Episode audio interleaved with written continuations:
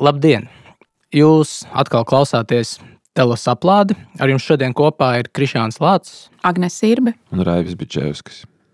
Mēs eh, šajās aplādēs esam runājuši par visu, ko par Heidegeru, par Berlīnu, par uh, Tomasu Mannu, gan arī jau pusgads vai vairāk, bet nu, šoreiz ir pienākusi tā reize uh, lielajam zilonim istabā, kurš visu laiku ir fonā glūnējis. Proti, mēs mēģināsim apspriest uh, pandēmiju, vīrusu, spaidus vai brīvības, um, kopīgos vai individuālos labumus, kas vispār izriet no visas šīs problēmas nu, jā, vīrusu certifikāti un kas tik vēl nav.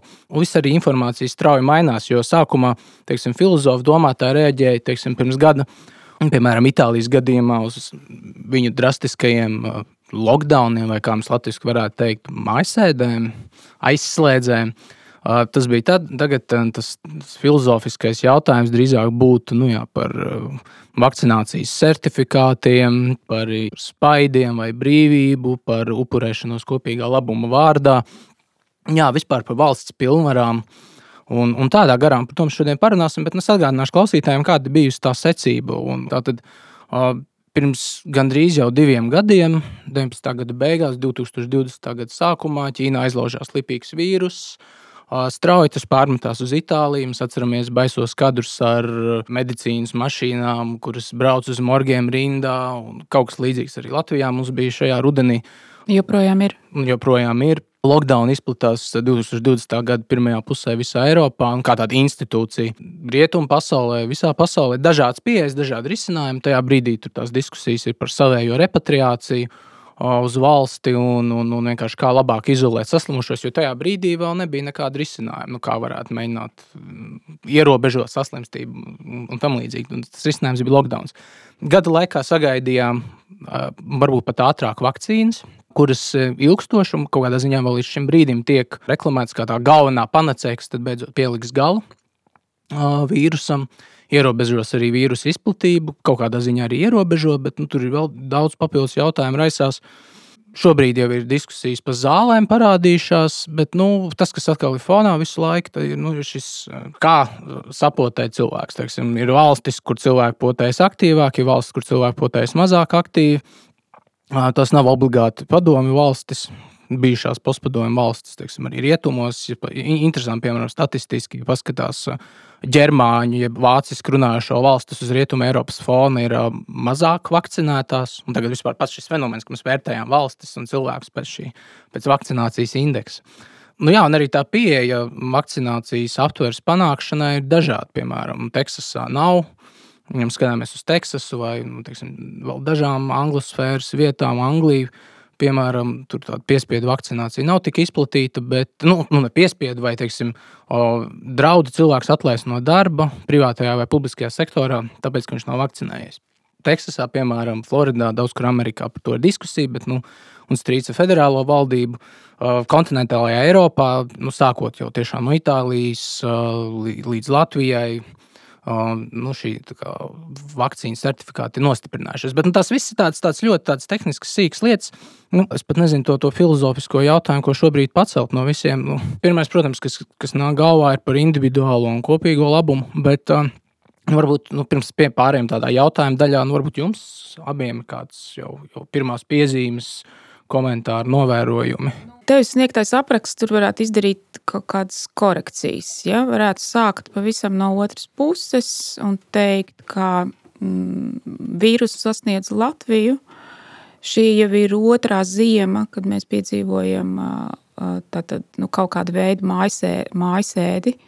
Un ierobežojums, kas jau otro mācību gadu pēc kārtas skar bērnus, skolniekus, arī daļu no bērnu dārziem, un arī vidusskolnieks, un pat arī daļa no studentiem, tos, kas nav varējuši pāriet uz, uz tālu mācību. Un, nu, teiksim, es to ļoti izjūtu, jo man ir pamatskolā trīs bērni. Bet arī tas ir nepilnīgs apraksts. Vēl pilnīgāks apraksts ņemtu vērā tos elementus, kad jau tikai šajā rudenī ir Latvijā nomiruši tūkstotis, vairāk kā tūkstotis cilvēku. Arī šodienas mēs rakstām šo raidījumu 17. novembrī eh, smagi slimo intensīvajā aprūpē esošo cilvēku cilvēku skaits Latvijā ir ārkārtīgi liels, pārsniedz jau vai gandrīz pārsniedz mūsu slimnīcu kapacitāti. Katru dienu nomirst nu, starp 20 līdz 60, ja, kas ir milzīgs skaits. Ja tas pazaudēt tūkstotis cilvēkus no vienas slimības vai tās komplikācijām vienā pāris mēnešu laikā ir daudz.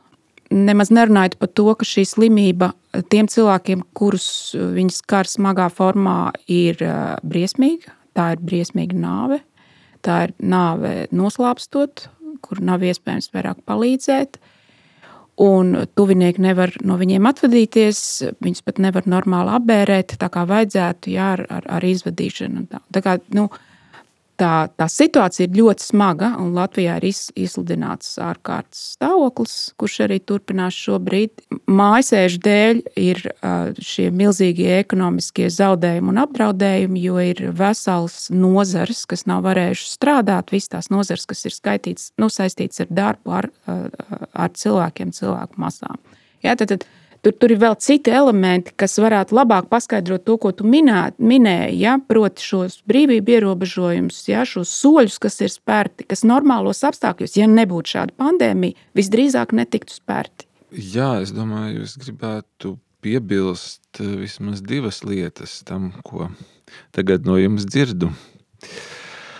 Uh, nu, viena lieta noteikti ir tā, ka pandēmijas radītā situācija ir komplicēta arī tāpēc, e, ka tam līdzīgas situācijas arī citkārt, ne tikai šī pandēmija konkrētā, vienmēr izgaismo arī virkni problēmu e, sabiedrībā, kuras jau ir pastāvējušas pirms tam.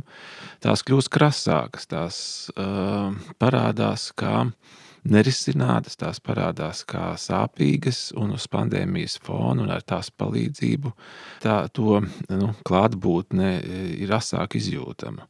Tas noteikti ir viena, viena lieta, ko es gribētu pateikt. Otra lieta, e, Krišānis sāc, sāk arī ar tādu atsauci uz, uz filozofiem, uz filozofu diskusijām pandēmijas sakarībā.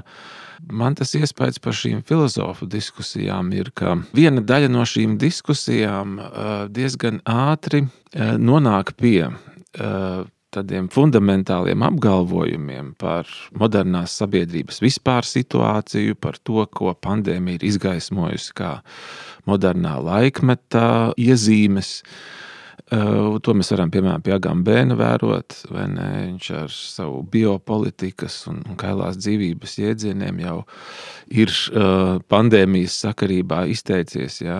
protams, ne tikai par konkrētiem kaut kādiem ierobežojumiem vai pandēmijas gaitu, kā uz to reaģē valsts, bet eh, jā, mēģinājis raksturot eh, uzreiz veselas civilizācijas jā, eh, pēdējo gadsimtu iezīmes.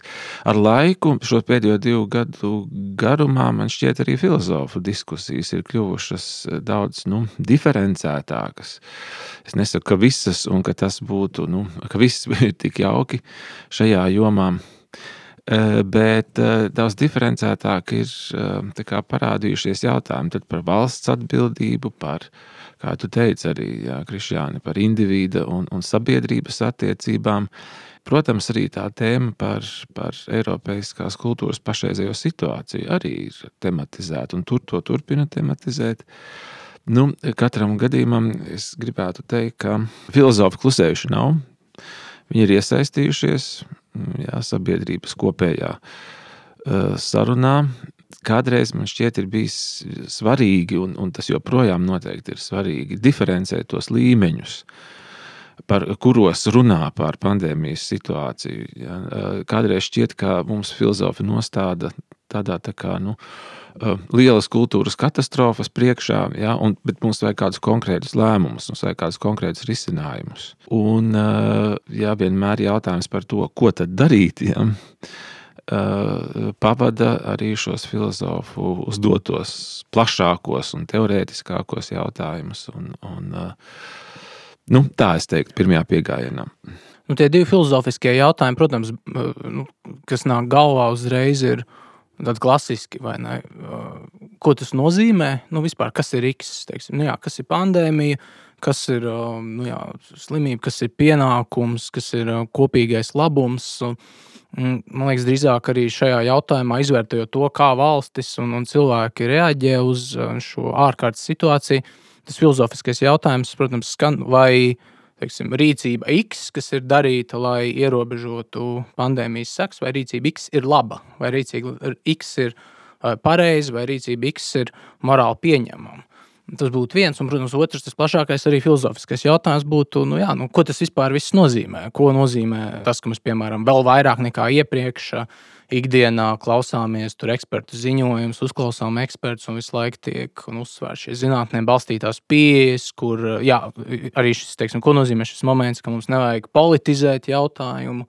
Lai gan, protams, šis jautājums ir politizēts visās iespējamās nokrāsās. Bet, nu, labi, pastāstīšu tos, tas savas izjūtas, un uh, jūs varētu kaut kā reaģēt. Es atceros savu to noskaņojumu 2020. gada sākumā, un tas, kas man pirmais krita acīs, arī uz visas tās um, pašreizējās politiskās diskusijas, politiski teorētiskās diskusijas fona, kas jau ir rit kopš 2015. un 2016. gada, ka valsts vara tomēr eksistē, ka valsts vara ir kaut kas tāds ļoti liels jaudīgs, ka šo visu lielo valsts mašinēriju kaut kādās krīzes situācijās pēkšņi var iedarbināt. Jo pirms tam mēs klausījāmies, ka, nu, ka valsts nevar darīt to, valsts nevar darīt šito, tur ekonomiskās intereses vai, vai nezinu, tur, tur citas intereses, un tā valsts var tikai būt šis nakts sargs, kurš, nu, kurš vienkārši uzrauga, lai visi notikumi notiek godīgi un transakcijas notiek godīgi.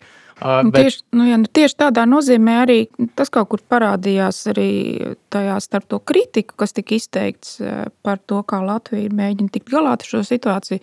Nu, es kategoriski uh, norobežotos no apgalvojumiem, ka ir sociālais sabrukums vai institūcijas sabrukums, ja, vai, vai kaut kas tamlīdzīgs. Nu, man liekas, tā nav ir tiesa. Institūcija koordinācija un, un, un visu to mēs, nu, tās, tās lielās administratīvās institūcijas atrodas savās vietās. Var kritizēt veidu, kā viņas nu, pašas reaģē uz saviem iepriekš pieņemtajiem dokumentiem un tā. Ja.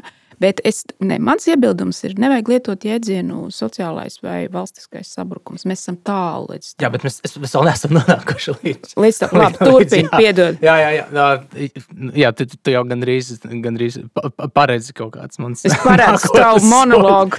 jā, jā, bet, bet jā, sākumā tā man reakcija tiešām bija tā, oho, valsts eksistē, valsts darbojās un koordinē, un reizēm pat kaut kāda koordinācija iespējama tiešām šo lielo leviatānisko veidojumu starp Eiropas Savienības ietvaros. Man ļoti iespaidoja tā lielā repatriācijas operācija, kur no visas, tā, tā ļoti labi izskatījās tajā brīdī, kad no visas plašās Eiropas tautieši tiek savā koordinēti, savākt atpakaļ savā tautas mājā, savā dzimtenē, un tad lūk, valsts par viņiem parūpējās. Tur bija kaut kāda arī nedaudz skandāla, bet nu, tas, tas izskatījās tā, nu, tā pozitīvi nu, un, un negaidīti varbūt arī no. Nu, salīdzinām ar to, ko mēs parasti sagaidām no, no Latvijas. Teiksim. Un, un tajā brīdī, jā, uz tās valdošās diskusijas fona, kur pastāv konservatīvo vai mm, postliberāļu, kā es viņus saucu, es pats sev iedalu pie tādiem postliberāļiem. Šie, šie, šie visi notikumi sākotnēji šķita vērtēti diezgan interesanti un pozitīvi, jo pēkšņi no nekurienes atjaunojās tādas lietas kā robežas, valstīm ir robežas, suverēns ārkārtas situācijā var pieņemt izšķirošas lēmumus, administratīvais aparāts tiek iedarbināts, lai risinātu konkrētu problēmu. Ļoti iespaidīgi, ļoti iespaidīgi tas bija tiešām 2000, 2020. gada lielāko daļu. Bet nu, kaut kā ar laiku, šobrīd skatoties, kas notiek nu, teiksim, Latvijas gadījumā, Uh, nu jā, man, man tā sajūta, ka es, es pats kā tāds postliberāls jūtos iedzīts stūrī, jo nu, liela daļa postliberāļu principā prasa teiksim, lielāku valsts iejaukšanos, lielāku valsts lomu teiksim, gan ekonomikā, gan mm, cilvēku dzīvē, vai kaut kādu morālo labumu, morālo vērtību iemiesošanā likumos. Uh, un kādā ziņā, kā vienā rakstā, viena publicista, Merija Harringtona sacīja, mēs principā uh, mēs visi esam postliberāļi. Vai drīzāk politiskās struktūras jau ir kļuvušas postliberālas, jo nu, tas, ko mēs iepriekš runājām par individuālajām brīvībām, pašnoteikšanos, nekāp manā sētā un tam līdzīgi, tas ir kaut kādā ziņā. no aizbraucis vilciens. bezmazliet, nu, bezmazliet man tā gribētos teikt, ka tā valsts loma un redzamība un intervences dažādos sektoros un arī individuālajos lēmumos ir tik visaptvaroša, ka nu, arī man kā postliberālim jāsāk uzdot jautājumus, vai tas ir labi Jo, nu, Ja, nu, jēdziens postliberālisms īpaši nepalīdzēs, man liekas, tev fiksēt to galveno problēmu. Bet, nu, labi, vēl Jā, nu, pēdējais. pēdējā iebilde, proti, m, tas, ko es arī jums gribētu tā piespēlēt, tāds, man liekas, tāds vēsturiski, konceptuāli interesants tvīts, simbolisks tvīts bija no kāda deputāta, Nacionālās apvienības deputāta Twitterī, kurš proti teica par tiem, kur iebilst gan pret visādiem tur māsēžu noteikumiem, gan pret uh, vakcinācijas noteikumiem. Tas, tas, tas viņa arguments bija, nu, ka konservatīvie iestājās par autoritāti, konservatīvie iestājās par valsts varu, un uh, konservatīvi nav apšaubīti šo valsts varu. Protams, tas raisīja daudz diskusijas internetā, telpā, bet man liekas, tā tāda interesanta tēze, kurai ir gan patiesa, gan nepatiesa. Nu, kas, ne, kas zināmā mērā ir arī nu, tā vecā labā Sokrata pozīcija. Jā, likums bija netaisnīgs, bet likums man piesprieda nāves sodu. Es pakļaujos likumam. Jā, tur, Jā. ir, tur ir garš stāsts jā, par, par to, kāpēc būtu jāpakļaujas arī. Nu, Nepareiziem likumiem, jā, redzot, ka šajā pakļautībā tu izrādi pakļautību nevis tiem, nu, teiksim tā, nevis tiem konkrētā likuma uzrakstītājiem, bet pašai likumīgai tai, tai sistēmai, kas ir augstāka par tiem dotajiem cilvēkiem. Ja? Un tad citiem liekas, ka šī ir skandaloza tēze, bet tur ir kaut kas tajā. Tā, kā tajā, tā konservatīva nostāja, to, ka mums būtu jāpakļaujas likumam arī tad, ja mums liekas, ka tas ir nepareizi.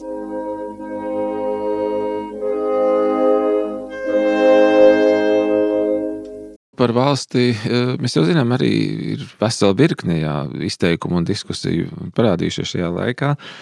Nu, nezinu, ne jau par spīti tēzē par valsts pastāvēšanas no jauna atklāšanu, ne, bet uh, paralēli tam, uh, es domāju, mēs esam sadūrušies arī ar to, ka uh, modernā kompleksā sabiedrība jau arī tās uh, situācija, ja, tās attīstības līkne, kurā tā atrodas, vismaz pēdējos divus gadsimtus, arī prasa no valsts institūciju cilvēkiem tik lielu fleksibilitāti, arī kompetenci dažādās jomās. Uh, vismaz kompetenci zināt, kuru jomu ekspertiem katrā reizē ko prasīt. Uh, Kā um, nu, drīzāk parādās arī tas, ja, nevis tikai valsts atgriešanās, bet arī tas, ka uh, neviens jau nezina līdz galam, kā darīt un ko darīt. Kā, um, nu, tādā nozīmē varētu teikt, uh, arī modernā valsts ir uh, nepabeigts projekts.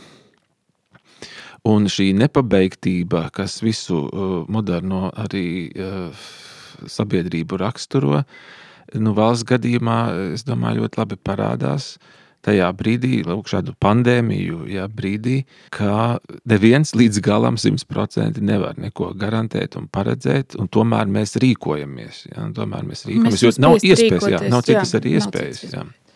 Jā, nu es redzu to, to, to pamatu problēmu drusku. Nu, es nezinu, vai tas ir filozofiskais skatījums. Ja man aizvien grūtāk ir nošķirt filozofiskas problēmas no nefilozofiskām. Ja? Tad tur arī nav.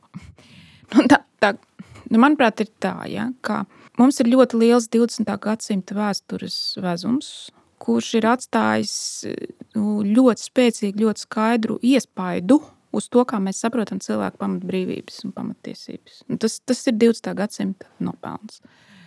Jo, teiksim, iedomājieties, būtu 19. gadsimts vēl, ja, un būtu šāda, lūk, šāda lipīga slimība, kurai varbūt nav tik šausmīgi augsta tā mirstamība, bet kur ir nepatīkama slimība. Ja, arī tur ir blaknes un noslogojās slimnīcas. Un tā 19. gadsimtā vispār neuztrauktos par to, par ko mēs tagad runājam. Vienkārši, ja būtu vakcīna, visus nopotētu, ja vajag ar stekiem, vienkārši nokārtot to jautājumu. Viss tēma slēgta, ja, un karceros to, kas tie, kas kaut ko tur vadzina pretī. Bet 20. gadsimts pilnīgi izmainīja skatījumu uz to. Nu, tas arī tomēr jāuzsver. Jā. Tātad, ja jūs skatāties, teiksim, Eiropas cilvēktiesību tiesas, ja, un visas tās, nu, arī kaut vai 97. gada Oviedo konvencija par medicīnas un bioloģisko materiālu izmantošanu, ja, Eiropas cilvēktiesību tiesa un tas, nu, tie, tie spriedumi, kas ir pieņemti laikā pēc otrā pasaules kara, ir milzīgu uzsveru uzlikuši uz cilvēka autonomiju, uz pacienta autonomiju, uz nepieciešamību vis, iegūt no cilvēka brīvu piekrišanu jebkādām medicīniskām manipulācijām ar viņu. Ja? Un, protams, ka vakcīna pieder pie tādām. Ja? Varbūt tā būtu īpaša kategorija, bet tomēr visā visumā viņi pieder pie šī. Tad vienmēr ir vajadzīga cilvēka piekrišana. Un ir skaidrs, kāpēc tas, tas tiek darīts, jo ir šī nacistu pieredze ja? ar nacistiem un arī ar citām zemēm. Ja? Taču ka, kas tik nav piedzīvots 20. gadsimtā? Nu, garīgi atpalikušos pret viņu gribu sterilizē. Kas tik nav darīts? Viss kaut kas ir darīts. Jā, ir lobotomijas veikts, jā, pa laimi aizliedz. Ja, tur virkne visādu lietu, kas it kā tiek darīts kopīgā labuma vārdā. Ja? Tātad tam atsevišķam cilvēkam tas ir nepatīkami un tā un šitā, bet kopīgais labums būs lielāks, jo tāpēc un tāpēc. To utilitāro argumentu var vienmēr ļoti skaidri formulēt. Nu, tad, tad Eiropas cilvēktiesība tiesa, ja, un visas tie taču simtiem juristu ir izgājuši visu šo apmācību ja, par cilvēktiesībām un saņēmuši savus grādus. Ja, un, un ļoti labi zina to, to, to pacienta autonomijas likumu. Ja, un, nu, proti, ka tiesības ir ļoti skaidri definētas kā deontoloģiski balstītas, ja, nevis utilitāri balstītas. Tas nozīmē, ka cilvēks drīkst, drīkst atteikties, protams, ja viņš ir pilngadīgs un lemtspējīgs, ja viņš drīkst atteikties no tās medicīniskās manipulācijas, arī tajā gadījumā, ja visi citi uzskata, ka viņam vajadzētu piekrist, ja viņa atteikšanās nesīs negatīvas sekas visdrīzāk viņam pašam, jo tā uzskata ārsti, un pat kādam citam. Ja, tad, tad, Arī visos tajos gadījumos teiks, nē, nē, nē, tas ir cilvēka ķermenis. Tā ir tā sauktā ķermeniskā integritāte. Ja? Viņam nedrīkst, ne tikai nedrīkst uzspiest to, to manipulāciju, bet arī nedrīkst viņu sodīt par to, ka viņš atsakās. Tāds ir bijis tas ceļš, ko nu, šis likums ir gājis. Ja? Nu, tā tā drusciņā tā, tā nērtības un šoka sajūta šobrīd ir, ka ņemot vērā pandēmijas apstākļus, ņemot vērā arī to, ka Mums nav bijis piemērs, kad ir izsludināts un stājis spēkā epidemioloģiskās drošības likums, kas Latvijā arī šobrīd tagad, nu, tagad ir iedarbināts. Ja? Viņš sen jau ir pieņemts, viņš ir vienmēr bijis. Un valdībai principā ir tā, nu, tā autoritāte, viņai ir rīkoties, pieprasīt visiem noteiktu uzvedību, kopējās tās drošības un kopējā labuma vārdā. Un mēs mē, mēģinām iziet starp tām, nu, diviem ceļiem. Jā, viens būtu tāds ko es nosaucu par 19. gadsimta to brutālo ceļu, un otrs būtu tad, nu, tad tomēr tā gluži neielausties tajā personīgajā autonomijā, lai tas viss nebeigtos jā, Eiropas cilvēktiesību tiesā, jā, vai vispār nebūtu nu, tas šausmīgais šoks, nu, ka mēs vairs neievērojam tos likumus, kuriem mēs gadu dekādēm ilgi esam absolūti nu, ticējuši. Jā. Un tā ir tā galvenā problēma, ka mēs no vienas puses sakām, ka vakcinācija ir uh, brīvprātīga, bet no otras puses šobrīd Latvija ir tajā stadijā, ka nevakcinētie cilvēki viņus, nu, var atlaist no darba, un viņi nevar arī strādāt, nu, iestāties oficiāli citā darbā, jo viņiem tad nav tas, tas tā saucamais sadarbspējīgais certifikāts. Tas ir viens. Un tagad, pirms pāris dienām, tika uzlikts tāds vēl viens līmenis, kas man personīgi ļoti šokēja. Ja? Nu, tas ir tas, tas jaunais likums, par, nu, ko saima pieņēma. Ja? Bet, nu, tad, tad, nu, faktiski, cik tie ir astoņi vai deviņi deputāti. Nu, šobrīd kā, liekas, gan drīz jau tikai viens. Gan drīz jau tikai viens, apārējais sapotēs. Nu, jā, bet tātad pieņemt to likumu, ka principā saima var. Nu, nevis anulēt, bet suspendēt ievēlētā ja, deputāta mandātu, ja viņam nav, neļaut viņam piedalīties pat ne attālināti tajā, tajā saimnes darbā, nu, ja viņam nav tā certifikāta. Un tas pie tam neatiec tikai uz saimnu, tad izskatās, ka tas attieksies arī uz pilnīgi visiem tiesnešiem, kas, manuprāt, ir bīstami. Un tas attiecas arī uz pašvaldību domu tiem deputātiem.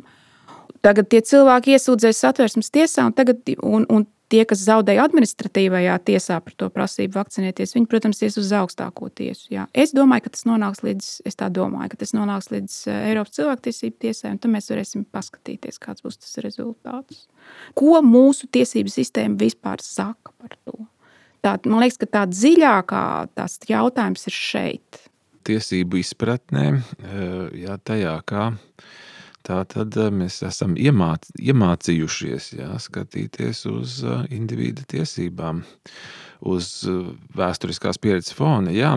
Bet nu, varbūt es tur varētu piebilst to, ka varbūt šajā situācijā tieši labi ir redzams, cik lielā mērā tiesības nu, nekad nav kaut kas abstrakts, izolēts jā, no tāda nu, kā mēs to nosauktu, dzīves, dzīves konteksta un tas no tā, kas pie dzīves vēl piederās ārpus tiesībām. Un uh, pie tās piederās arī uh, jā, tieši tas, ko tu teici, jā, ka runa ir par pieaugušiem un saprātīgiem, spriest spējīgiem. Tas ir iekļauts jau pašā definīcijā. Jā, ja? bez kuras nevar iztikt. Jā. jā, un to mēs redzam kā vienu milzīgu apgaismības dialektiku. Jā.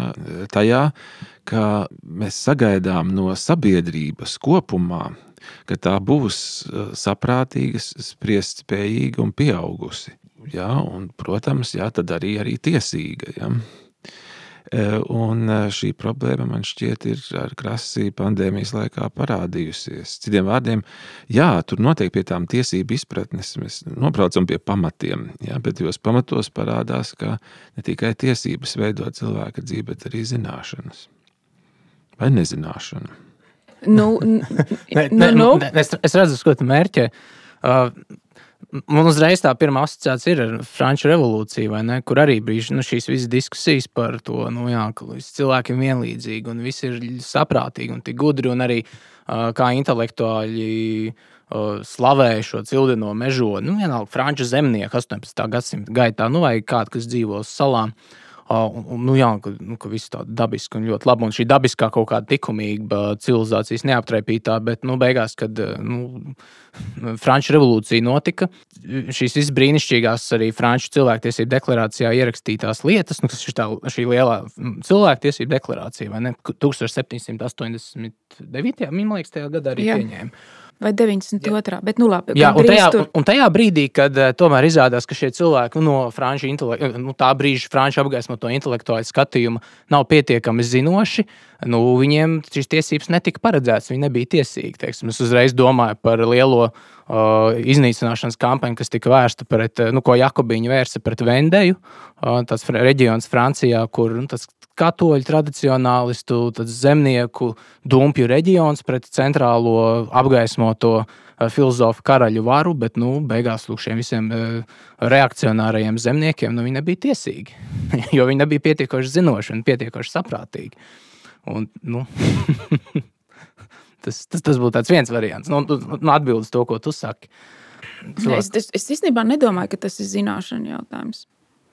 Tiesību jautājums nav zināšanu jautājums. Tiesību jautājums, dabīgo tiesību jautājums un cilvēktiesību jautājums ir. Viņš gribēja nospraust ļoti skaidru vienu robežu, ko valsts vai jeb, nu, jebkāds valstiskais veidojums nekādos apstākļos nevar darīt ar cilvēku. Ko viņam nedrīkst atņemt? Kas ir tas minimālais komplekss, ko viņam nedrīkst atņemt? Vienalga, viņš ir gudrs, dumjš, jebkāds. Tur jau ir tā problēma. Ja? Mēs, mēs īstenībā to šodien iedomājamies. Mēs izspēlējam Latvijā, nu, tajā pandēmijas kontekstā, un arī domājot par tiem nu, mūsu saimnes pieņemtajiem lēmumiem, un arī visas tās runas, kas to pavada, un arī tie dokumenti, kas tiek izdoti. Mums ir līdzīgi tā kā bija drusciņi, ja, kā bija ASV pēc tam divu turņu tās katastrofas, ja, ka pieņēma to Patriot Act, ja, un ka tagad vajag izķert visus bīstamos tos, nu, tos cilvēkus, kas varbūt ir saistīti ar tām teroristiskajām organizācijām. Ja? Vai varbūt kaut kā sadarbojušies, vai plāno sadarboties, vai varbūt iet uz kaut kādiem, tiekās ar kaut kādiem imāmiem, kuriem atkal ir kaut kādas saistības. Ja? Un tad mums ir, nu, tas izklausās pārspīlēt, bet tā, tā debata ir apmēram tur, ja? kad ir tas Patriot Act, ka tu visiem samazini to tiesību apjomu, jo nu, ir šis draudu stāvoklis. Ja? Un tad ir kā mēs no tā izējām ārā. Un lielākais jautājums, protams, ir, vai mūsdienās cilvēki to pieņem vai pieņems, ja, vai kā, jo es jūtos nērti. Es jūtos nērti, kā cilvēks, kas vakcinējās, kad, teiksim, veikalā bija tā, tas nožogojums, un tad tie otri cilvēki tajā pusē. Es jūtos vienkārši, man ir, es nezinu, kauns, bet es nevaru pateikt no kā. Un Es cenšos nebūt jūtīga pret to retoriku, bet es ļoti labi saprotu, ko, ko pianists Šimkus teica par to cilvēku šķirošanu. Ja? Un man vasarā mans tēvs, teiksim, taisīja mājās lielu ballīti, tad bija tas brīdis, kad varēja atļaut, ja? ka tur drīkstēja sevišķi tie certifikāti un tā. Un arī nu, viņš vai vi, nu, mana māma vai neviens no cilvēkiem, mēs nespējam būt tādi, ka mēs tagad saviem draugiem pie sēdes prasīsim, tev ir certifikāts. Nu, tev ir. Mēs varam paprasīt to masku, bet ne to certifikātu. Nu, Saprotat, ko es piemēram. saku? Vai baznīcās, piemēram, ja? tas ir. Jo, mēs esam tādā veidā tomēr audzināti un sevi audzinājuši. Ja? ka es neteikšu cilvēkam, tu nevari būt šajā telpā, tev jāiet ārā. Es tad izdomāju citu variantu. Tad izējām visi ārā, stāvam pļāvā, bet lai nav tas, tas dalījums starp tiem vakcinētajiem un nevakcinētajiem. Un vēl viena emocionālā piebilde no manas puses atvainojos. Jā. Mūsu valsts ir izdevusi vispār kopš 90. gadiem, es nezinu, cik miljonus ja, visām šīm nevalstiskajām organizācijām, visiem šiem milzīgajiem Eh, pasākumiem un portāliem un, un, un visu inteliģences iesaistīšanu, kas nodarbosies tikai faktiski ar vienu tātad to iekļaušanas politiku, nediskriminēšanas politiku, visu cilvēku stāstu, uzklausīšanu, atvērtību visu cilvēku emocijām un tā tālāk. Ja pareizi, ja ir miljoni izdot, lai šo Latvijā izveidot, lūk, to šito emocionālās integrēšanas, stāstu integrēšanas bāzi. Un cieņas jēdzienu. Un cieņas jēdzienu, ja? Un pat ja šis cilvēks kļūdās, pat ja viņš dzīvē pieņēmis nepareizs lēmums, viņš var būt narkotiku lietotājs, vienalga kāds, mēs visi uzklausām to viņa stāstu, pastiepjam pretī roku. Paskatieties, kā šie paši cilvēki izturās pret tās sauktajiem antivakseriem. Tas ir, nu, tas ir tomēr šeit būtu vajadzīgs kaut kāds, es nezinu, kādu gudru sociologu skatījums no malas, ja, kas tās ir par īpašībām, ja, ka, ka, no kurienes tas nāk. Nu. Tas pat pret homofobiem, un mēs skaitāmies homofobi, pat nebija tāda veida retorika, kā pret cilvēkiem, kuri varbūt pat paši ir vakcinējušies, bet kuri izteica kaut kādus iebildumus pret veidu, kā tas tiek Latvijā menedžēts.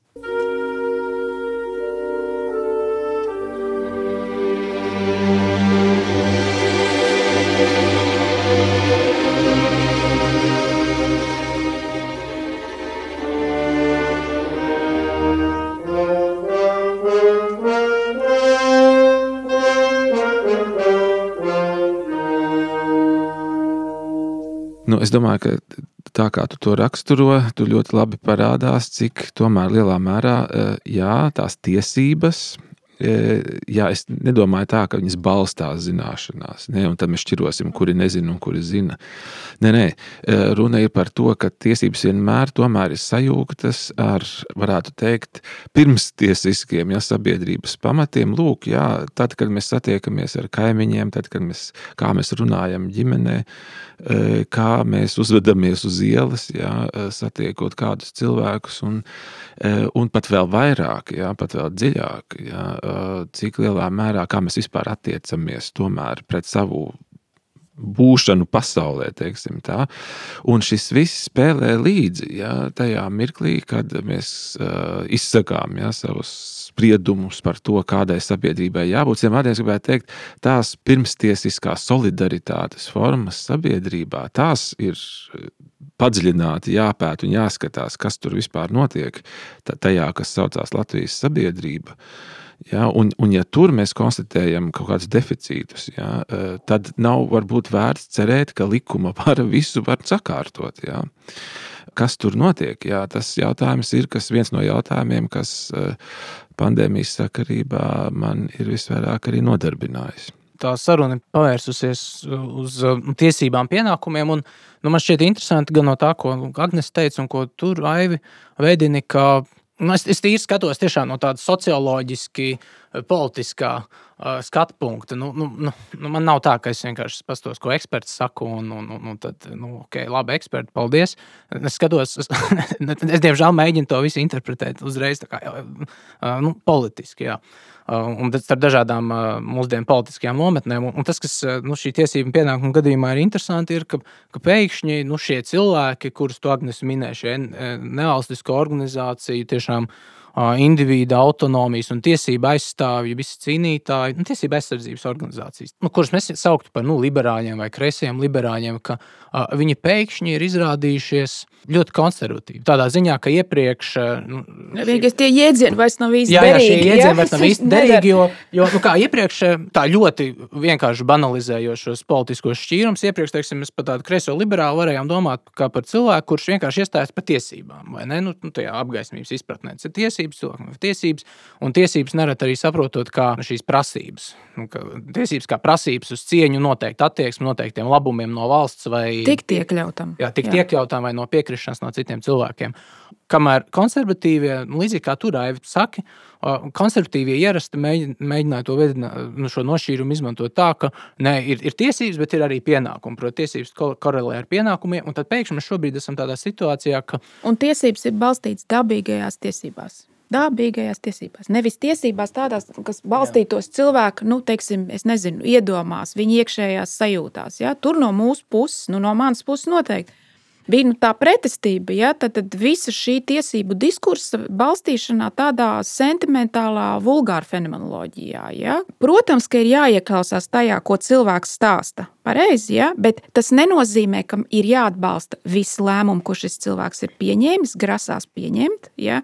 Tad, tad ir jābūt arī tam racionālam elementam. Ja? Un, un šī stāsta nozīme ir tajā, ka jūs saprotat to redzes, to redzes punktu, ja? bet jūs atveroties parādat viņam to plašāko, ja? lai šis cilvēks ar izmantojot savu saprātu varētu redzēt, nu, kā būtu, ja visi tā darītu. Ja? Teiksim, kā kategoriskais imperatīvs var darboties. Un tad pāriet tajā nākamajā līmenī. Ja, bet piedod, jā, jā, jā, jā. Bet, nu, es vienkārši gribēju norādīt to, ka tie, kur iepriekš apelēja pie šīm abstraktajām tiesībām, kā Raivs saka, pēkšņi viņi tagad runā par ne, tiesības un pienākumi. Un, un, un, un pēkšņi daudz e, konservatīvi Eiropā, un tas skaitā Amerikā, ir tie, kuri vienkārši nu, tajā brīdī, kad šī lielā valsts mašinērija tiek vērsta pret viņiem, viņi vienkārši piesauc tiesības kā nu, šo nu, jā, Agambets teiktu, kailo dzīvību, kurā vispār tad, nu, lūdzu, valsts neiejaucies. Nu, tas, tas nomes ir ap, kaut kādā ziņā apmetušās, jo es atkal vienkārši skatos uz tām dažādajām nometnēm. Un, Tie, kas tika saukti par nacionāli konservatīviem vai nacionāli populistiem, vai uh, liela daļa arī Amerikas šie postliberāļi, kurus, teiksim, kritizē šo, šo jēdzienu, kur mēģina pārvarēt liberālismu. Uh, Viņi ir izrādījušies ļoti kritiski pret uh, nu, visām šīm valsts uh, inkursijām, teiksim, vakcīnu certifikātu prasību uh, jomā.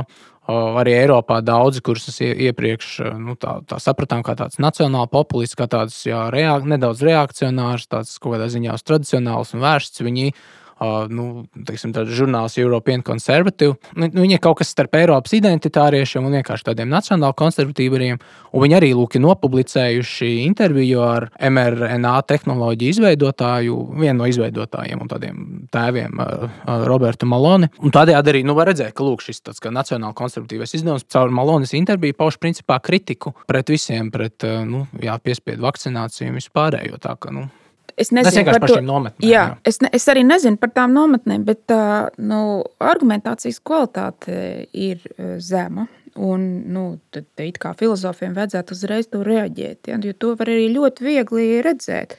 Nu, piemēram, tas likums, kas tika pieņemts Latvijā, ja, kad ir no, no tajā publiskajā sektorā, ir e, jāatbrīvo no darba visi tie, kuri nav vakcinējušies vai nav izslimojuši, kuriem nav tas certifikāts. Nu, kāds ir tas arguments? Kāds ir arguments? Tad, tad man izskatās, ka tur ir trīs vai četri argumenti, no kuriem neviens nav pārliecinošs. Bet tiek uzskatīts, ka ja viņus visus sarindo kopā, kas saka, pirmkārt, otrkārt, treškārt, ceturtkārt, piektkārt, lai gan neviens pats par sevi nav pārliecināts, tad kumulatīvi viņi tomēr iegūst pārsvaru. Ja? Nu, pamēģināsim, izspēlēsim to argumentu. Tātad mums ir, pieņemsim, es nezinu, ogres pamatskola, ja? un tur ir, pieņemsim, 20 skolotāji profesionāļi. Ja? Strādā daudzgadē skolā. Divas skolotājas vai divi darbinieki, teiksim, divas skolotājas nav vakcinējušās un arī negrasās to darīt. Nu, viena, teiksim, baidās, ja? Otrai ir kaut kāda cita pārliecība, ja? vienalga ezotēriski ievirzīta vai kaut kāda tāda, bet tam nav nekāda sakara ar to darbu. Tagad šīm divām skolotājām ir, nu, viņas nevar turpināt, viņām tiek laustas līgums, viņas nevar turpināt. Kāds ir arguments, kāpēc vajadzētu tā rīkoties? Tātad tie, tie, tie varianti. Pirmais variants ir, kāpēc šīs divas sievietes, kurām nav certifikāta, nedrīkstētu nākt uz skolu, ja, atrasties uz vietas un mācīt tos bērnus. Un pirmais variants. Viņas apdraud citus. Nu, šis arguments nedarbojās, protams. Ja, jo tas būtu tā, ja būtu tā, ka e, vakcinētais iegūst tādu veidu, nu, tā kā viņš vairs nav, nevar būt par pārnēsātāju. Turklāt, tā kā tie pārējie ir vakcinējušies, tad pat ja tāds nevakcinētās sievietes ienestu to vīrusu skolā, tā kā tie citi ir vakcinējušies, tad viņi taču nebūtu vairāk tik apdraudēti. Ja? Tad mēs redzam, ka šis īsti nedarbojās. Nu, tas arguments. Tad ir otrs arguments, numur divi. Nevis viņas apdraud citus, bet viņas ir apdraudētas. Tā kā viņas nav vakcinējušās, viņas ienāk skolā, kur iespējams arī caur bērniem, ja klejot tas vīrus, un viņas tagad saslims, tā kā viņas ir sievietes, nu, teiksim, pieņemsim jau virs 60 gadiem, tad viņas var smagā stāvoklī nonākt slimnīcā, vai ne, cik tur tie 2% vai kas iespējams, un arī nomirt. Bet arī Šis arī īsti nedarbojās. Jūs redzat, kāpēc? Jo viņas pašas pieņēma to lēmumu. Mēs atrodamies šajā skolā, apzināmies to risku. Ja viņas saslimtu un nomirtu, tad skola pazaudētu to, nu, tos divus skolotājus, jo viņas tad nomirtu. Bet tā kā viņas šobrīd viņām neļauj strādāt, tad sanāk, ka skola jau tagad viņas ir pazaudējusi. Ja? Tad, Šis arguments arī īsti nedarbojas. Mēs varētu galāk izvērst pa premisām, ja? kāpēc viņš īsti nedarbojas. Zinot to, ko mēs zinām par vīrusu, Tad ir trešais. Trešais arguments ir, man izstāsta līdzīgs. Tas bija līdzīgs pēdējā tajā saimnes lēmumā. Nē, nē, nē, viņas rāda sliktu piemēru citiem. Jo mūsu politika ir tāda, ka mēs cīnāmies pret šo pandēmiju ar vakcīnām. Tas ir mūsu galvenais rīks. Otrs rīks ir teiksim, mājasēdes un tāda. Un ka mēs nevaram pieļaut, nu, ka cilvēki tādā amatā, ka viņi arī tur māca skolēnus, tur matemātiku vienu māca, otru latviešu, un ka viņas parāda šādā veidā to attieksmi tādu. Tas būtu trešais, kurš man arī liekas apšaubāms. Ja? Šajā gadījumā, šajā trešā argumenta gadījumā, man liekas nesamērīgi par to atlaist no darba. Ja? Varētu, to argumentu varētu lietot, nu, ka tā uzvedība ir skandaloza, bet liekas nesamērīgi atlaist no darba un neļaut oficiāli vairs vispār strādāt. Un tad ir vēl ceturtais, ja, kas ir kaut kāds nu, kaut kas būtu pavisam dīvains. Ja? Ka īstenībā mēs apzināmies, ka tas ir netaisnīgi pret šiem cilvēkiem viņus atlaist, bet mēs to darām tikai viena vienīga utilitāra argumenta dēļ, viņus tā kā iebaidīt, lai viņus tomēr savakcinējas. Ja? Man liekas, ka tas ceturtais ir pats spēcīgākais. Varbūt jūs varat pateikt vēl kādus, nu es tā redzu to. Nē, nu, tu skaitīji tos visus galvenos. Man liekas, ka nu, mērķis ir, ja arī ja paskatās tos dokumentus, nu, kas ir pēdējais, tās visas tiesas, nu, viena tā tiesas prāva un vēl kaut kāda tāda administratīvās tiesas prāva. Jā, jā, jā, jā, gan tur. Pret to ģimeni. Jā, jo tas arguments ir. Nu, principā tiešām, kad nodās arguments ir vienkārši pēc iespējas ātrākiem, reizēm arī saraustītiem juridiskiem soļiem, panākt pēc iespējas lielāku vakcinācijas aptveri, nu, ko šobrīd arī tiksim, medijos jau gandrīz jau mēnesi vienkārši nosauc par pātagas pieeju. Es arī vakar Jā, klausījos raidījumus, Uh, nu, kā Raivs iepriekš līdzīgi teica, iepriekš bija tāds arī, nu, ka cilvēki ir gudri un, paši, un saprātīgi un, un, un paši pieņems pareizās izvēles. Tas nedarbojās. Cilvēki ir acīm redzot, nu, tur burkāna, burkāna pieeja ar vakcinācijas tiem reklāmas rullīšiem galīgi nedarbojās, jā, jo tas nebija uz to auditoriju vērsts. Jā, tas, tas nebija vērsts uz apgaismotajiem cilvēkiem, zinošajiem. Un, Nu, tad, ja cilvēki ir nezinoši un nespēj pieņemt izvēles savās labākajās interesēs, tad nu, jā, jāīsteno pātagas pieeja. Un, un tā tiek pamatots gal galā gan visi pēdējie lēmumi, nu, rīkojumi de, arī deputātu vakcinācijas gadījumā, gan arī. Nu, nezinu, piemēram, arī kaut vai tas, ka pašvaldības sētniecei arī ir jāvakcinējās, jo, jo vienkārši tāds rīkojums. Un... Jā, lai gan viņa vispār nav kontaktā ar cilvēkiem. Jā, jā, bet ir vēl sliktāk ir vēl sliktāk. Proti, es negribētu tagad konkrēti nosaukt ne nevienu institūciju, bet uh, mums visiem labi zināma institūcija, kurā tika pieņemts lēmums par uh, attālinātu darbi, darba veidu ja, līdz pat Ziemassvētkiem. Un? Protams, tika izskatīti kaut kādi argumenti, ja, aplūkot argumenti par labu tam. Un uh, tie argumenti, kas tika izskatīti pēc tam, bija kaut kur ļoti līdzīgi. Ja, vai tie paši, nu, principā viņus to, izsako. Uzska... Jā, jā, ko tu uzskatīji. Bet, nē, kāpēc es saku, ir sliktāk? Tāpēc, ka pirms šiem, jā, vispār ielaidās šajā argumentācijas nu, mēģinājumā, eh, bija jau, jau pieņemts vēl viens cits arguments, kā pašsaprotams izējas punkts, tāpēc, ka citas līdzīgas institūcijas jau tā dara. Ah, jā, jau tas ir spēcīgi. Jā. Tas ir spēcīgi. Un pēc tam, ja nāk vēl šie ja, apsvērumi, ko, ko tu teici, jau vēl pa vidu tur uh, iejaucās arī bailes kā arguments. Uh, un tāda še, šī, varētu teikt, uh, amalgama no uh, emocijām, argumentiem, un tā citi arī dara vai tā dara jā, tepat kaimiņš, šie visi jā, noved pie lūk, tā rezultāta, jā, mm. pie pieņemta lēmuma. Un turklāt runa nav par es visu cieņu ogres skolām, jā, bet runa tomēr tas ir tikai piemērs. Jā, jā, jā, es jā. saprotu, tas ir piemērs, bet šeit runa par konkrētu institūciju, kas, teiksim tā, kaut kādā izglītības um, ranžējumā, izglītības tādā kaut kādā hierarhijā, nu, acīm redzot, atrastos augstāk. Jā. jā. Es nojaušu, kas tā ir. Jā, lūk, nu, gan tavs, gan arī Agnēs piemērs, man liekas, parāda labi to.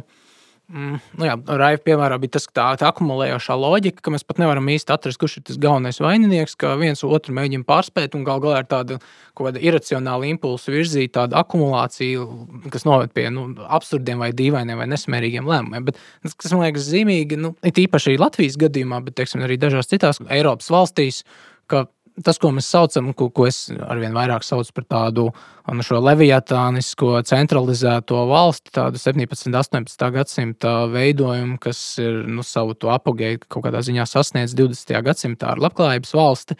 Un ar dažādiem visādām pretrunām un absurdiem un tādiem nesamērīgumiem, kuri parādās.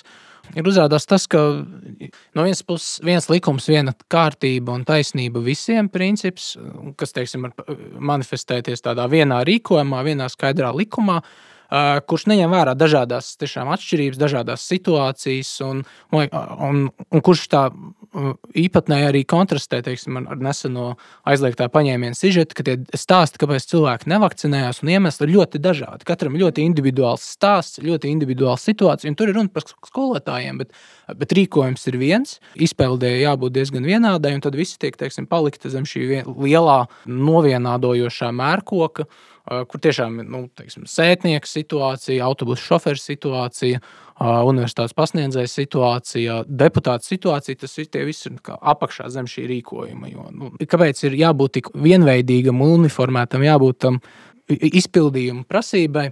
Nu, Protams, kāpēc nedrīkst vispār būt atkāpes? Jo, nu kā, ja būs tā, tās atkāpes, tad tas akumulēsies un tad nojuks visa tā, tā, tā, viss tas likuma vai rīkojuma mērķis. Piespiest cilvēks vakcinēties, protams, palielināt to.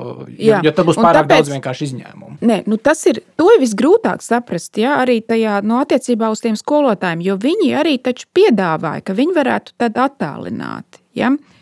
Vai ka viņi var, to es arī nespēju saprast, kāpēc tas skolotājs nedrīkstētu atrasties tajā klasē.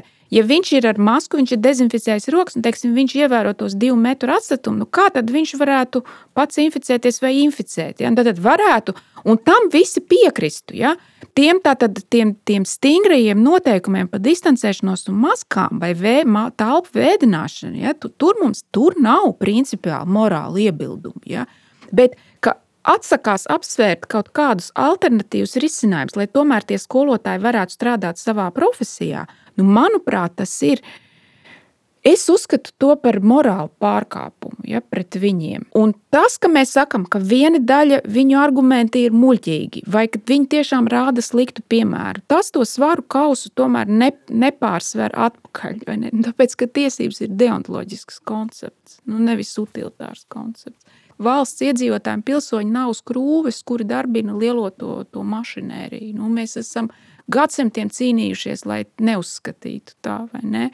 Mums nav augstākas vērtības par cilvēku, vai ne? nav. Nu kā, kas ir virsotnē? Cilvēks ir virsotnē, ja? nevis valsts. Pareizi. Un tagad mēs redzam, ka šīs tās pamatpremises, kurām mēs esam strādājuši, viņas tiek ļodzinātas ārā. Un tas, teiksim, man jau otro dienu sāp galva, jo es kaut kādā nu, es nevaru atbalstīt, un es nezinu, ko darīt, nu, kā kaut kā iebilst pret to. Ja? Nu, Nē, nu jūs varat arī saprast, kāpēc. Un var arī saprast, kāpēc ir. Nu, arī pirmkārt, nedrīkst, taču īsti nu, nevarēja visu laiku arī pulcēties vai ne, un kaut kā izrādīt. Ja? Un arī ir mums pašam telesam, protams, ka mēs izjutām tās bailes, ja? ka tu cilā šo tēmu Un ka, ka tas, tas rezultāts būtu nevis tāds, ka cilvēki domā par tiem argumentiem, kas ir svarīgi, mēs esam saprātīgas būtnes, bet tas rezultāts ir tāds, ka nu, šī kārtējā vecā sirmgalvas sieviete saka, jā, redz, arī filozofi saka, ka nevajag vakcinēties. Nē, nē, mēs nesakām to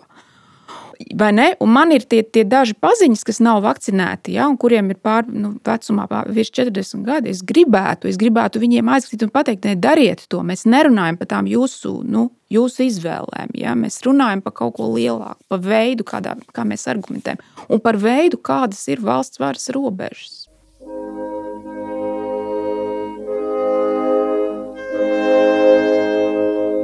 Tas, kas eh, pēdējos divos, eh, kas notiek Latvijā, parādās, kur teiksim, pieaicināt dažādi eksperti. Un, un tu domā raidījumu? Jā, jā, raidījumu, jā. kas notiek Latvijā. Es arī kaut kādā ziņā izba, izbaudu šo raidījumu. Atgriežos jaunībā. Tas, kas parādās, proti, arī pagājušās nedēļas raidījumā, pagājušās trešdienas raidījumā, parādās tas, teiksim, pieaicināts šis tiesību eksperts, kam vajadzētu būt tiesību ekspertam, tiesības sargs Jansons kungs, vai ne? Un gan Jānis Kungs, gan arī tie daži uh, satversmes tiesneši, kas šajā jautājumā ir uzrunāti gan 2020. gadā, gan citi, kuriem tad vajadzētu būt tam skatam, ko, ko valsts kuri saprot, darīt. jā, kuri saprot, kas ir tiesības, definīcija jā, var pateikt. Kas, jā, jā. jā, un kuri, kuriem tad vajadzētu saprast, ko valsts vispār spēj un var darīt, un ko valsts nevarētu darīt attiecībā pret nezinu, sabiedrību, kopienu, individiem un tam līdzīgi. Un, un var redzēt, ka, ka arī Jansona kunga atbildēs, ka viņš redz problēmu tajā, kas teiksim, notiek ar rīkojumiem, likum, likumiem vispār. Un, tas ir, ir ļoti grūti gal galā to kaut kādā augstākā tiesā būs pamatot.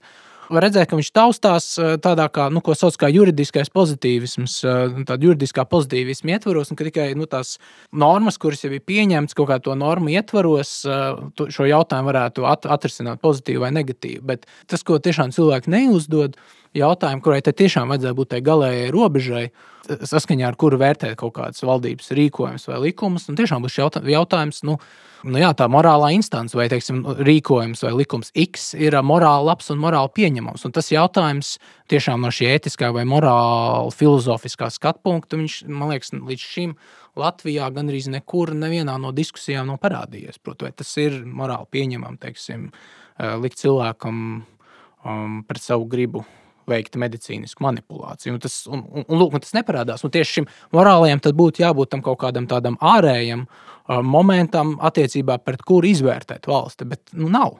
Nav. Un, un, un tur es redzu šīs modernās leviatāniskās valsts, Hopsa projektu, tā, Hopsa, Tomas Hopsa projektu, tādu kā likumsakarīgo uh, gala pieturu šobrīd, kā augstākā autoritāte mm, valstī, suverēnā vai pieņemtajos likumos, bet nav vēl augstākas autoritātes, pēc kuras izvērtēt šos likumus. Jā, un tas, tas, tas visbīstamākais, manuprāt, kas šobrīd notiek, ir, ka mēs eh, varam pazaudēt, mēs jau sākam pazaudēt to varu, varu dalījumu principu, ja, kas jau ir jau antīkajos tekstos, tad tur Monteskie un tā tālāk, kurš tik ļoti svarīgs, kur to varēja redzēt. Bija tā Es aizmirsu, diemžēl, kā to kungu sauc. Tas viens tiesnesis, augstākās tiesas tiesnesis, kurš nebija vakcinējies, viņam bija tās vārdu apmaiņa ar tieslietu ministru Bordānu kungu. Strupišs. Strupišs, jā.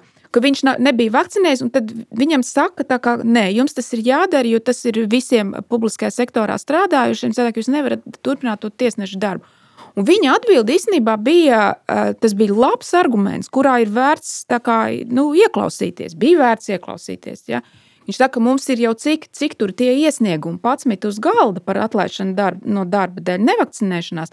Un jūs mani tā kā nu, uzreiz gandrīz spiežat nostāties nu, pret šiem cilvēkiem. Ja? Jo, ja, ja uz mani tas tā attiecas, tad tas attieksies arī viņiem, uz viņiem. Tas nozīmē, ka augstākajā tiesā principā nav vērts šos gadījumus skatīt, jo mūsu atbilde jau šobrīd ir skaidra. Mums viņi ir saima pateikusi un ministru kabinets. Ja?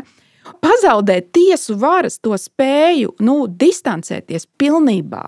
No valdības, no koalīcijas, no konkrēta lēmuma. Ja? Nu, mēs, mēs varam samaksāt ārkārtīgi augstu cenu par to. Es, es tiešām esmu nobijusies. Ja, tagad skatīsimies satversmes tiesā tās vairākas lietas. Ja? Nu, gaidīsim ar nepacietību. Nu, kaut viņiem tas mugurkauls būtu. Ja? Nav tā, ka ārkārtējais stāvoklis ja, pilnīgi nolīdzina izpratni par tiesībām un brīvībām, un jo īpaši dabīgajām tiesībām, proti, tiesībām strādāt. Tā nav. Labi, viens ir šī augstā cena, ko var samaksāt ar eh, nu jā, valsts uzbūvi, valsts tiesiskajiem principiem. Tā cena, ko var samaksāt, bet otrs puses teiks, nepastieties, cena ir eh, nu, līķis slimnīcās. Jā, saplūstot kopā, jā, saplūstot kopā likumdevēja, likumdevēja vaļā, izpildu vaļā un arī tiesu vaļā. Ja, ja, ja šī ir visa nu, tādā pilnīgā vienprātībā par to politiku, kas ir tagad e, jāīsteno, ja, tad man tas nav. Bet jūs saprotat, labi, mēs apzināmies, ka pieņemot tādu vai citādu lēmumu, visdrīzāk rezultāts būs, ka gan vienā, gan otrā lēmumā rezultātā cilvēki nomirs. Bet tas neatceļ tiesību būtību. Nu, tas, nu, tieši tā, par to jau arī ir runa tiesību būtību tas neatceļ, bet nu, es gribētu teikt, modernās sabiedrības um, daudzās lomas, kas cilvēkiem ir jāpilda. Uh, nu, savulaik taču Niklās Lūmans, vai ne sociologs, teica, cik lielā mērā moderna sabiedrība ir daudzu, daudzu apakšsistēmu sistēma. Ja? Un šīs apakšsistēmas ir tā autonomizējušās, ja? kļuvušas autonomas, ka tām jau ir iekšējie likumi, iekšējo lomu, nezinu, kaut kāds ja? izpildes ja? musturs un, un tam līdzīgi. Un, un cilvēks ir spiests savā dzīvē daudzkārt pārkāpt dažādu lomu eh, robežas. Ja tad viņš runā kā valsts ierēdnis, tad viņš runā ģimenē kā ģimenes cilvēks, tad viņam prasa kaut ko kā garām gājējiem uz ielas, eh, tad viņu uzrunā vēl kā, nezinu, kādas nevalstiskas organizācijas biedru. Un visas šīs apakšsistēmas jau arī prasa kaut ko no cilvēka, un vienā brīdī šķiet, ka visi šie viņa daudzie izteikumi ir īstenībā pretrunīgi cits citam. Bet nu, saka, tas nav šī indivīda. Um, ne nopelns, ne šī indivīda uh, kāda vaina. Ja? Tā, tā sabiedrība pati ir tik daudz uh, dimensionāla. Šīs dimensijas pat īsti nevar saprast, kā vairs sadara kopā modernā sabiedrībā. Noteikts, ja, ka viņam ir grūti kaut kādu integratīvu vienā skaidrā, vai nu, vismaz eh, nu, neskaidrā, tāda tomēr tik tiešām izsekojamā pamatā balstītu viedoklī vispār paust. Ja, viņš ir konfrontēts ar daudzām sociālām lomām, kurā pie katras šķiet piederās gan arī cita atbilde, ja, ko viņam vajadzētu sniegt. Nu jā, tiesību un valsts robežas. Bet, eh, nu, nu Raibi, mēģinot tevi iesaistīt vēl sarunāt uz noslēgumu, bet eh, nu, tu seko līdzi vai ne vācu presē, vācu medijiem un vācu intelektuāļiem. Nu, ko viņi, nu, kur, kurus mēs, teiksim, tradicionāli arī šajā reģionā esam uzlūkojuši kā tādu no augstāko vispār, kas var būt. Um, nezinu, civilizētības līmeni vai ne, un, un intelektuālas diskusijas līmeni. Nu, ko vācieši saka par notiekošo? Ir īpaši vācieši, kur arī teiksim, nu, dažādi strāvojumi no vienas puses būs tāds uh, nīčjānisks vitālisms, no otras puses būs pieturēsimies pie normām, klausīsim valstī, no trešās puses būs nu jā, nacionālisms ar, ar, ar, ar, ar, ar, ar, ar atkal leviatāniskām ievirzēm. Kas ir izskanējis tieši pie vāciešiem šajā, šajā jautājumā? Varbūt apkopojoši ir grūti pateikt. Skaidrs, ka šīs tēmas, par kurām mēs šodien runājām, tās jau arī ir Par tām ir runāts arī eh, Vācijā.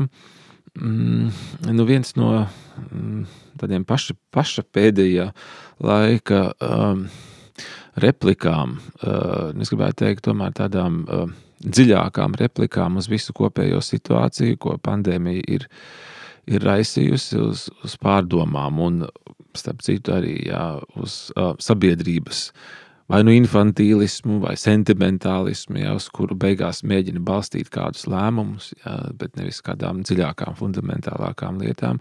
Tā viena tāda replika ir šajā gadā arī iznākusi Haralda Valcera grāmata Nekrologs man pašam. Mm -hmm. Ko tu šobrīd lasi? Ko es šobrīd Paņēm lasu? Līdzi. Jā, paņēmu līdzi. Um, Un tur jau viņš runā ne tikai par sevi pašu, kaut gan viņš runā arī par sevi kā to, kas ir pieredzējis pavisam nesen arī infarktu, ja, un pateicoties mediķu uh, laicīgai un, un profesionālai iesaistēji, izdzīvojis. Viņi ir darījuši tiešām visu, ko, uh, ko priekšraksti raksta, jā, medicīnas un tā. Un laicīgi un, un, un iejūtīgi, un par to viņš ir pateicīgs, bet viņš grib palūkoties arī uz pašreizējo situāciju kopumā, kā cilvēks, kas varētu būt jau ārpus tās. Eh, kā kāds vēsturnieks, kurš pēc gadiem 50, ja tādi vispār būs lemti, ja raugās atpakaļ uz šo laiku. Un tas, ko viņš uh, pirmais pamana tādā lielā attālinājumā, pat nav nu, tik lielā mērā argumenti, kuri tiek piesaukti un, un to pamatotība, bet tas, ko viņš pamana, ir, ka pietrūkst tāda kopīgā, eh, varētu teikt, rimtuma cilvēka eh, dzīvē, no kuras vispār saprātīgi un izsvērti lēmumi nāk. Un tie lēmumi nekad, nekad tomēr nav, es gribētu teikt, vienīgi un tikai racionāli. Tie vienmēr ir arī nes līdzi kādu nu, pasaulē būšanas tādu ētosu.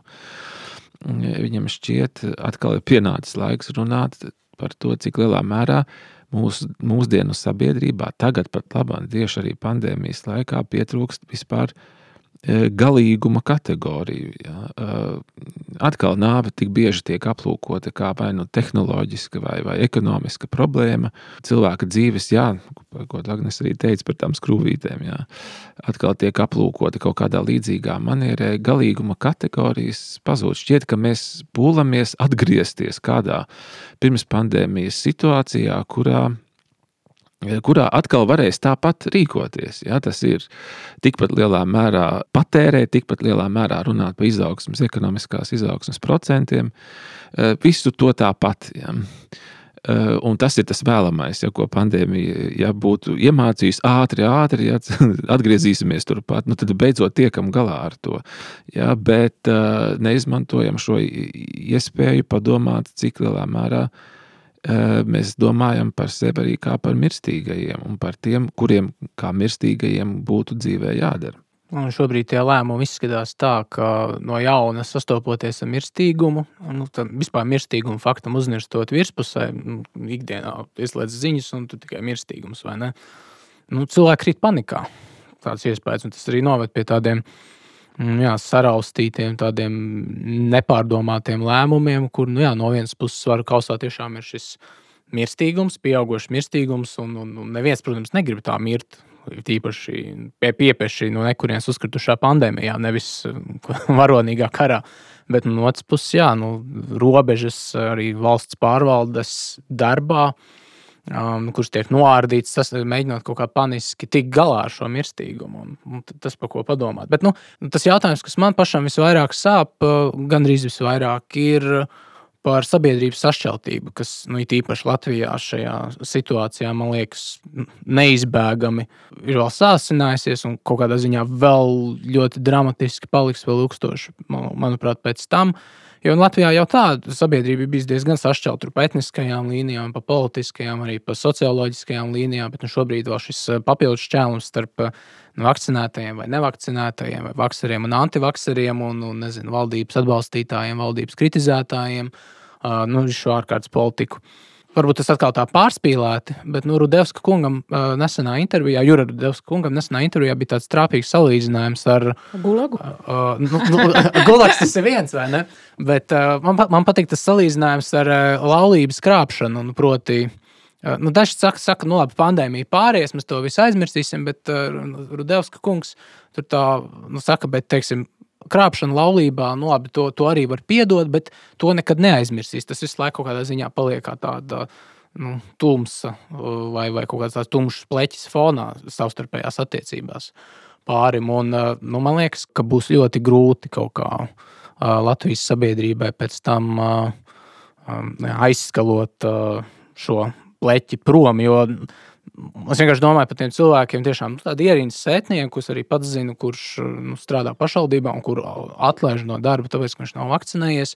Vai, teiksim, cits atkal sētnieks, kurš tad, nu, jā, ilg, visu laiku nevakcinējās, bet viņš beigās savakcinējās, bet viņam nu, pret savu gribu. Un tad viņam nāk līdzi tas rūkums, ka ir pārkāpta kaut kāda robeža. Uh, Viņš net, netiek cienīts kā cilvēks. Jā. Viņš netiek cienīts kā cilvēks. Un, tā gribas brīvība netiek cienīta. Jā, un tā jā. valsts roka ir iejaukusies kaut kā ielīdus vispār viņa tajā personas ķermeņa integritātē.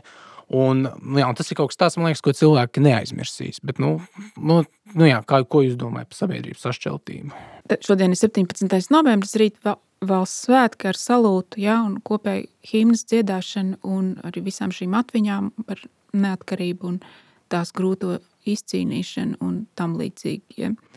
Bet um, nu, es fona režīmā uztraucos tā, ka nu, tas likums, es ceru, ka tiks atcelts ja, par to obligāto vakcinēšanos, un ka nu, uz tām nākamajām saimnes vēlēšanām arī nevakcinēti cilvēki drīkstēs nu, pieteikties ja, un, un tikt ievēlēt kā, kā deputāti. Un man liekas, ka ja to neļaus, tad pat arī nerunājot par tiesību plāksni, ja, man liekas, ka nu, tad mūsu šī brīža ja, likumdevēja, izpildu vara un tiesu vara nu, būs nonākusi tajā punktā, ka tiem cilvēkiem, kas tā kā iebilst, viņiem neatliek nekas cits kā absolūti radikalizēties. Ja, jo tad viņi vairs nevar tikt demokrātijā pārstāvēti. Ja? Tie, kas redz citu kaut kādu, viņuprāt, ir citādāk jāskatās ja, uz pandēmijas problēmu. Ja? Un nav pat būtiski, vai viņiem ir taisnība vai nē, jo mēs demokrātijā laižam pie tā galda sarunāties, nu, tos ievēlētos cilvēkus.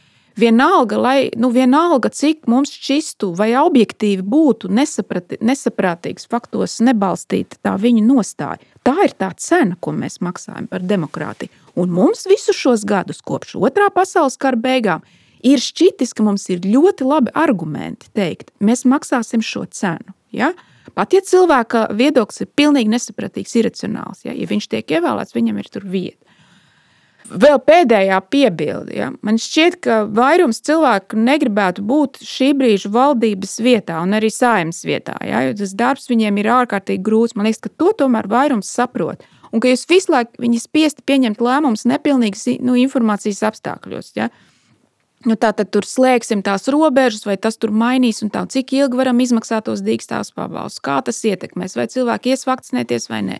Cik tā beigās būs tie skolotāji, kuri tad nevarēs atsākt darbu skolās? Tā. tā ir visa nezināma informācija. Viņi ir spiesti lemt, to mēs pilnībā saprotam. Viņi ir arī spiesti turēties pie tiem lēmumiem. Nu, nevis, teiksim, mainīt katru dienu. Ja?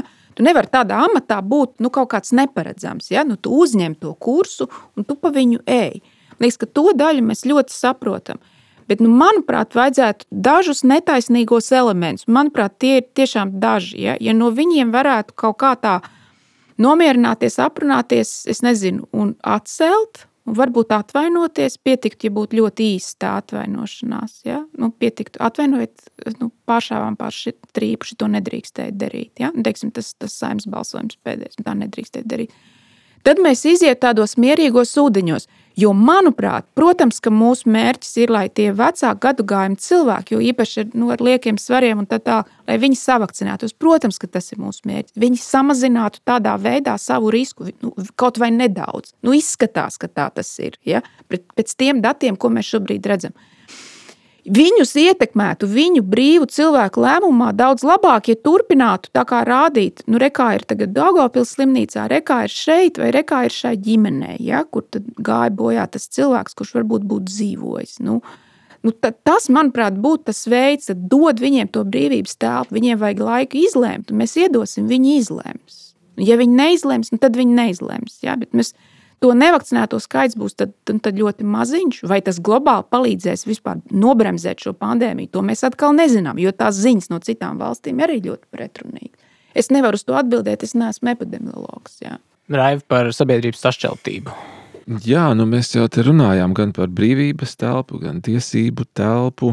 Pieminējām arī jā, kaut kādas solidaritātes telpas, gan jau arī dažāda līmeņa, bet uh, nu, tik tiešām, ja mēs zinām Latvijas sabiedrības vēsturisko likteni, tas tiešām nav bijis saudzējošs un, un rozēm tikai kaisīts. Maigi izsakoties. Maigi izsakoties 20. gadsimtā, šī ir sabiedrība, kas ir radikāli izjaukta un, un salikta. Un, Eh, un sabiedrība, kur ir tik daudz ciešanas nogulsnējušās, arī viss skaidrs. Un, eh, protams, var jautāt, vai šis vēsturiskais mantojums ir eh, nu, cik radikālā formā atstājis ietekmi arī uz, uz šādu pandēmijas situāciju risinājumiem. Bet es gribētu teikt, ka var jau, un to bieži man liekas, var redzēt arī diskusijās, var kā, aizslēpties arī. Nu, es to negribētu burtiski tā, tā, tā kā tādu psiholoģisku aizsargu reakciju tikai iztulkot, bet kā aizslēpties aiz uh, kādiem nu, mm, jā, pat arī argumentiem vai, vai, vai piesaucot tiesības jā, diskusijā, bet aiz, aiz tiem aizslēpjoties un vispār nepieļaujot kaut kādu kopējo pirms tam jau doto solidaritāti savā starpā, ja, kur mēs varam izrunāties ja, un teikt, nu labi, šo es pateicu, es nebiju veikli, ja, varbūt tas nebija tik patiesīgi. Ja, un tad mēs, jā, kā tu Agnes teici, ja, mēs kaut ko arī atceļam un sakām, pagaidi, pagaidi, stop, jā, piedod. Ja. Tā es to nedomāju, vai arī, ja es tā domāju, tad es nebiju labi padomājis. Ja. E, tad kaut kādas fundamentālas solidaritātes formas, kurās mēs vienmēr varam atgriezties un teikt, ok, ja mēs šo soli spērām vai nespērām, vai tas bija tik labi vai slikti. Ja.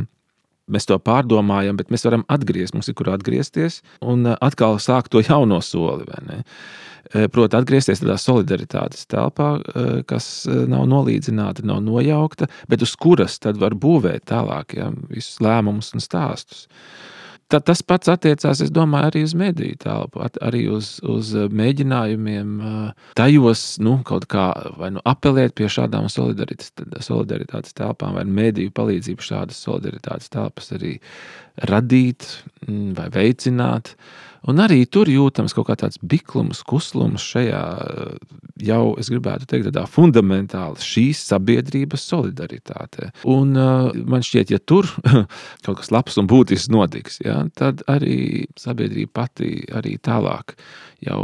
Um, jau tiesiskajā jomā, uh, lēmumu jomā, argumentu jomā, kas ietekmē visu sabiedrību, jau, jau tur ies labāk. 18. novembra notīs. Man noslēgumā gribās pieminēt, ka uh, Svētais Augustīns 5. vai 4. gadsimtā uh, par šo sabiedrības vienotību runā tā, ka prot, sabiedrība vispār dibinās un veidojās ap uh, kopīgiem mīlestības objektiem vai ap kopīgu mīlestības vispār vienu objektu. Un, un principā, sabiedrība, ja tu ja gribi saprast, kas ir sabiedrība, tev jāpaskatās, kas ir šis eh, objekts, ko sabiedrība mīl, kas tad visas, eh, visas sabiedrības locekļu prātus, gribas, eh, sirdis vieno tādā kopējā vērstībā uz šo nu, mīlestības objektu kā augstāko labumu. Un, nu, mums atliek cerēt, ka Latvijas sabiedrība visu šī ārkārtas situāciju neprāt izskaņā spēs vēl vienoties un atrast šo kopīgo mīlestības objektu, kas tad sabiedrību vienotu. Ar jums bija kopā Krišāns Lācis, Agnes Irbe un Raivis Pičevskis. Jūs klausījāties Telas aplādi.